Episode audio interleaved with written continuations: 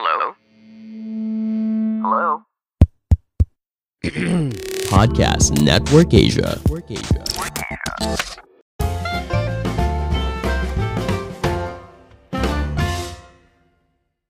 Halo semuanya, kembali lagi bersama saya Madianto. Kali ini kita akan membahas tentang cara mengumpulkan dana pensiun yang benar.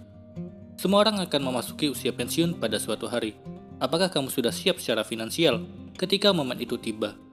Sebagian mungkin sudah, sebagian belum karena berbagai alasan, seperti faktor usia yang masih terlalu muda untuk memikirkan masa pensiun, keterbatasan keuangan, dan lainnya. Mempersiapkan dana pensiun sebaiknya dilakukan saat masih muda. Lalu bagaimana cara menghitung dan mengumpulkan dana pensiun? Cara menghitung dana pensiun. Sebenarnya tidak ada jumlah pasti mengenai dana pensiun yang harus dikumpulkan seseorang. Semakin banyak, semakin baik.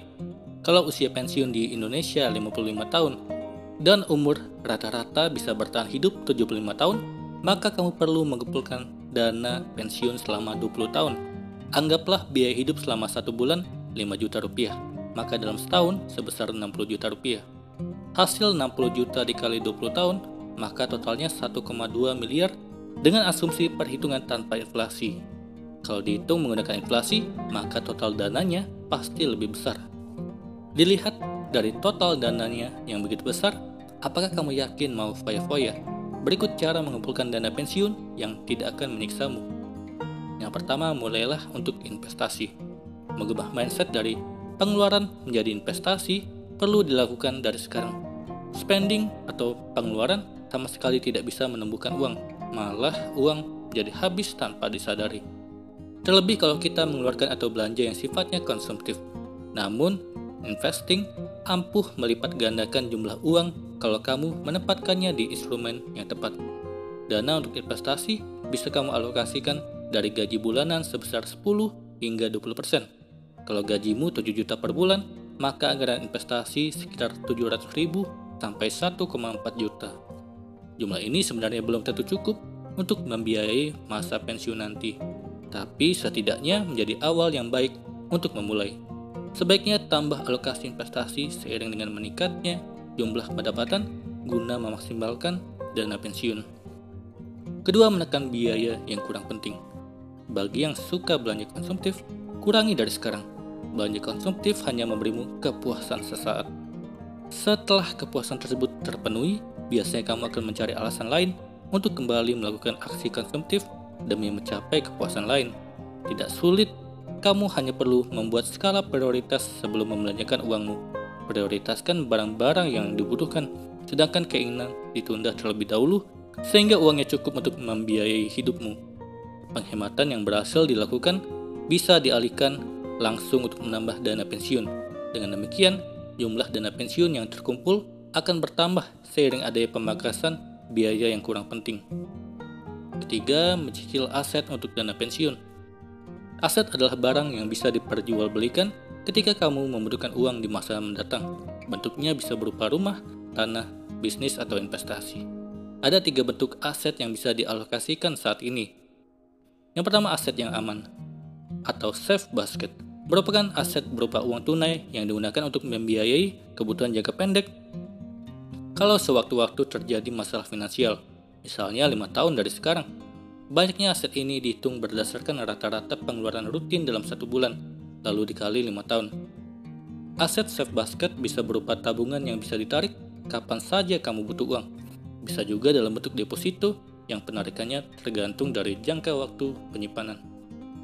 Lalu ada income basket, adalah aset yang bertujuan untuk memberikan tambahan dana untuk membiayai safe basket. Misalnya investasi yang setiap waktu dapat bertumbuh. Return dari investasi dapat digunakan untuk menambah aset safe basket. Selain itu, sumber penghasilannya bisa digunakan untuk menjaga stabilitas keuangan ketika terjadi inflasi. Dengan demikian, porsi alokasi untuk safe basket sama sekali tidak terganggu.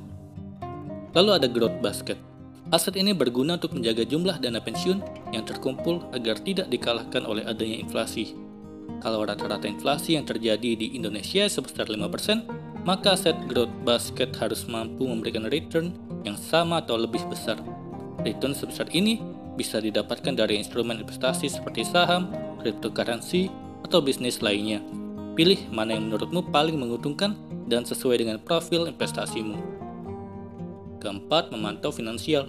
Meskipun kamu sudah berhasil melakukan ketiga cara tadi, bukan berarti kamu bisa mengabaikan finansial begitu saja. Pemantauan finansial tetap perlu dilakukan untuk mengantisipasi adanya pengeluaran yang tidak sesuai rencana. Kalau memang ada, kamu bisa tutupi pengeluaran tersebut dengan perencanaan keuangan yang lebih ketat pada bulan berikutnya. Dengan demikian, pengumpulan dana pensiun tidak terganggu sedikit pun. Mari melek dana pensiun dari sekarang, mengingat masa pensiun itu pasti. Apa salahnya sedia payung sebelum hujan? Tidak ada ruginya menyiapkan sedini mungkin meskipun realitanya dana tersebut tidak habis terpakai.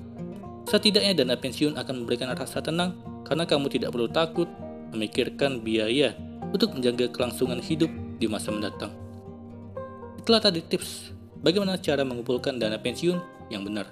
Semoga ini bermanfaat. Sekian dan terima kasih. Pandangan dan opini yang disampaikan oleh kreator podcast, host, dan tamu tidak mencerminkan kebijakan resmi dan bagian dari podcast Network Asia. Setiap konten yang disampaikan mereka di dalam podcast adalah opini mereka sendiri dan tidak bermaksud untuk merugikan agama, grup etnik, perkumpulan, organisasi, perusahaan, perorangan, atau siapa pun dan apa pun.